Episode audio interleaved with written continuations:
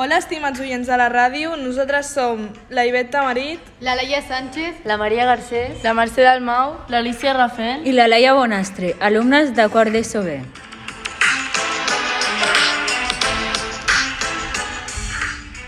Avui hem estat pensant en els nostres avis i àvies. Com vivien quan eren petits? Com era Espanya fa 50 anys? Portem dies investigant sobre el tema i hem trobat certa informació que creiem que és molt interessant. Sí, els nostres avis i àvies van viure una època de dictadura, dirigida per Franz... Francisco Franco! Sí, exactament, Alicia. Total, van ser uns anys on aquesta dictadura va controlar tota Espanya i va fer una repressió brutal de la societat. Sí, sí, jo vaig tenir el plaer de poder fer una entrevista a una dona que va viure en aquells temps i ella em va dir Bueno, quan un és jovenet, tampoc, com que ja et dic, com que a casa meva no era de política, pues, pues anaves fent la vida i, i, i prou de feina teníem d'anar subsistint, perquè ha sigut un, molts anys de que no, no hi havia abundància en res. I després, doncs, bueno, quan t'has fet més gran, que has tingut ja més opinió i així, i després la vida ha anat canviant tant, doncs llavors sí que, que clar, veies una cosa que era doncs una dictadura, que no es podia parlar de, de res, que, que la policia per qualsevol cosa et podien agafar i tancar-te, vull dir, totes aquestes coses les he anat veient, clar, quan jo m'he anat fent gran. Gran vol dir que ja tenia 15, 18, 20 anys o 25, que ja veies la cosa diferent. Però bueno, ja et dic, no hem sigut polítics a casa nostra. Ens situem en els anys 1939 fins al 1975, probablement una de les èpoques més injustes i desequilibrades socialment i políticament. I això pels homes. Us imagineu com van viure les dones aquesta situació? Us posem en context. Bueno, sí, claro, no, no es tenia la llibertat que avui es té, que sigui, és igual que sigui un noi com una noia, tots tenen la mateixa llibertat i els mateixos drets de tot. Allà no, sempre hi havia, en aquell temps hi havia eh, un noi, bueno, un noi, bueno, un noi pot fer això, un noi pot anar aquí, un noi, és, i la noia no, estava molt mal vist. Vull dir, un, un noi, si tenia nòvia i renyia, no el passava res. Però si una noia tenia nòvio i després de dos anys de festejar renyia, llavors aquella noia ja estava mal mirada, saps? Ja, ja, ja. Vull dir, hi havia molt, sí, molta diferència Ja, d'ara. ja. d'ara. Bé, van així. Després que el rei Alfons XIII abandonés el país, Espanya es va proclamar la Segona República el 14 d'abril de 1931. El nou govern va promulgar la Constitució del 1931, donant a la dona els mateixos drets que l'home com a ciutadana que se la va considerar per primera vegada. Això va estar molt bé, però tots els drets que van poder aconseguir gràcies a la Segona República Espanyola, que fins i tot van aconseguir votar, se'n van anar a la merda que diguéssim. El que és més fort és que amb el començament del franquisme tothom va perdre el, el dret a vot. Però quan va acabar, les dones no van poder tornar a votar fins al 1978. En canvi, els homes van poder votar des del primer moment en què es va acabar la dictadura. Durant el franquisme, Franco va tenir la meravellosa idea de crear la secció femenina, que era una branca del partit polític formada únicament per dones. Volien que les dones siguessin perfectes, que per a ells significava una dona catòlica, pura i subordinada. I amb la dona que vaig poder parlar va tenir el plaer de no fer la secció femenina de Franco. Eh, per jo trobar-me reprimida, no. L'únic això, que, que aquest, aquest, que no podies fer res. Ja. Perquè, per exemple, mm, tu tenies 18 anys, eh, que deien que eres major d'edat, però, per exemple, si et volies treure el carnet de conduir, primer havies de fer un servei social. Perquè la si no... secció femenina. Sí. Tu la vas fer, la secció? No, no, perquè, perquè no, no, la, no la vaig poder fer perquè llavors jo, jo treballava i no podia tampoc deixar de, de, de fer coses ni em anava bé per, pels diners. Però vull dir que aquestes coses, i això, una noia estava molt mal vist. Per exemple, una noia sortir que a quarts de deu de la nit estigués pel carrer, això era molt mal vist. Era una noia que ja li deien, bueno, que ja semblava que, que fos que no normal. Ja, t'entenc, Entens? t'entenc. Vull dir, aquestes coses sí, i, i, i, i moltes coses, moltes coses més, que, que tenies una diferència un noi i una noia, però Ja. moltíssima.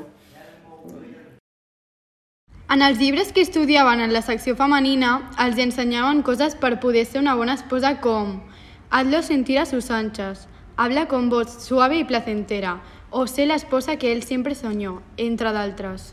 Bàsicament els hi deien coses a les dones per a que cuidessin del seu marit.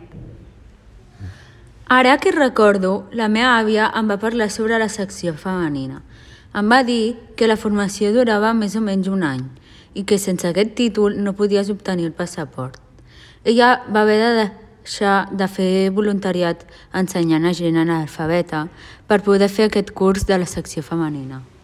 Per sort, la societat ha evolucionat i per fi ens trobem en, en un moment doncs, on hi ha bastanta igualtat entre homes i dones.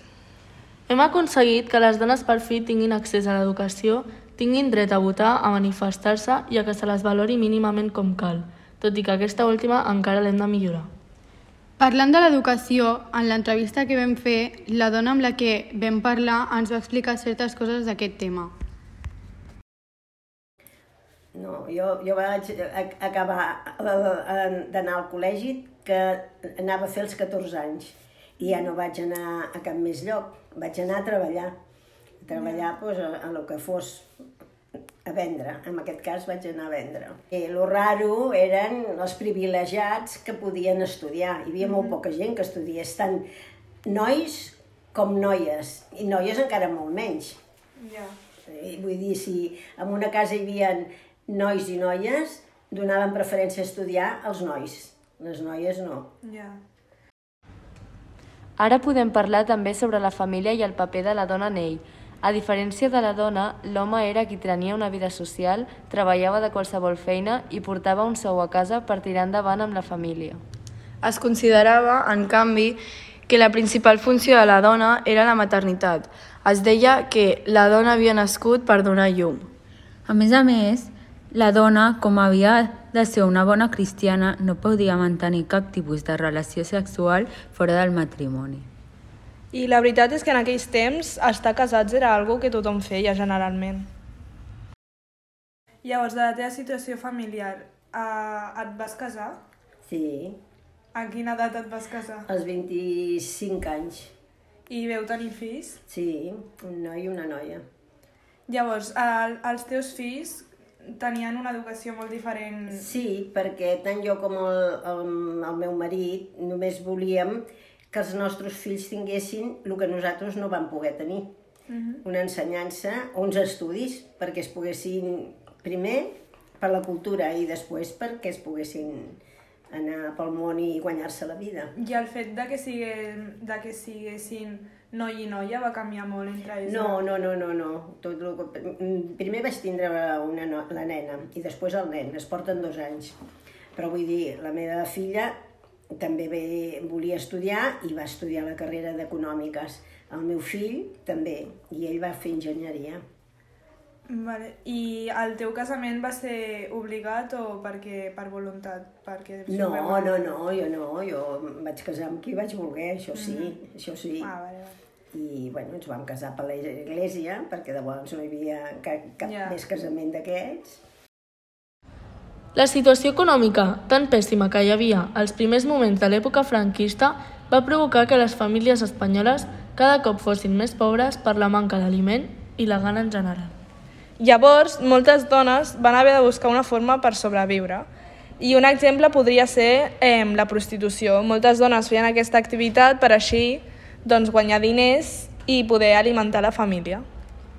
El que és més interessant és que durant el franquisme una dona separada legalment podia ser perseguida per adulteri, enviada a la presó i fins i tot li podien prendre els fills. El marit podia matar la seva dona si era descoberta en un delito flagrante i únicament rebia una pena de 6 mesos de destierro. Amb tot això, volem dir que bàsicament hem aconseguit els nostres objectius, perquè el que volíem era veure un canvi en la societat, i és justament el que s'està veient. Però, tot i que hi ha moltíssimes coses que han canviat cap a millor, per desgràcia, encara ens falten moltes coses que no es veuen tant per canviar. Per exemple, les dones hauríem de tenir el dret d'anar sense por pel carrer quan és fosc, o no podem veure tant com els homes, no sigui que acabem agredides sexualment o alguna cosa pitjor. Moltes gràcies per la vostra atenció i per acompanyar-nos un dia més a la Ràdio Vedruna.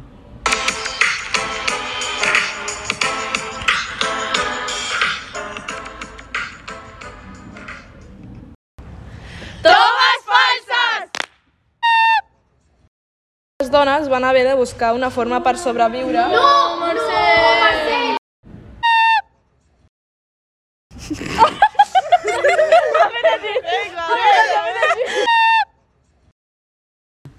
Em, però per sort, evol- les, uh, no, la meva veu, perdó, perdó. És que mira. la Constitució del 1900. Alicia, ho estàs fent bé! És que retrasada! es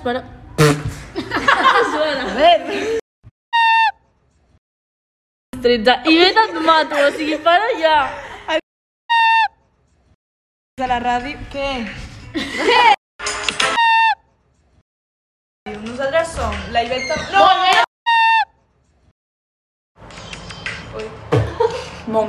F! Hola, inútil!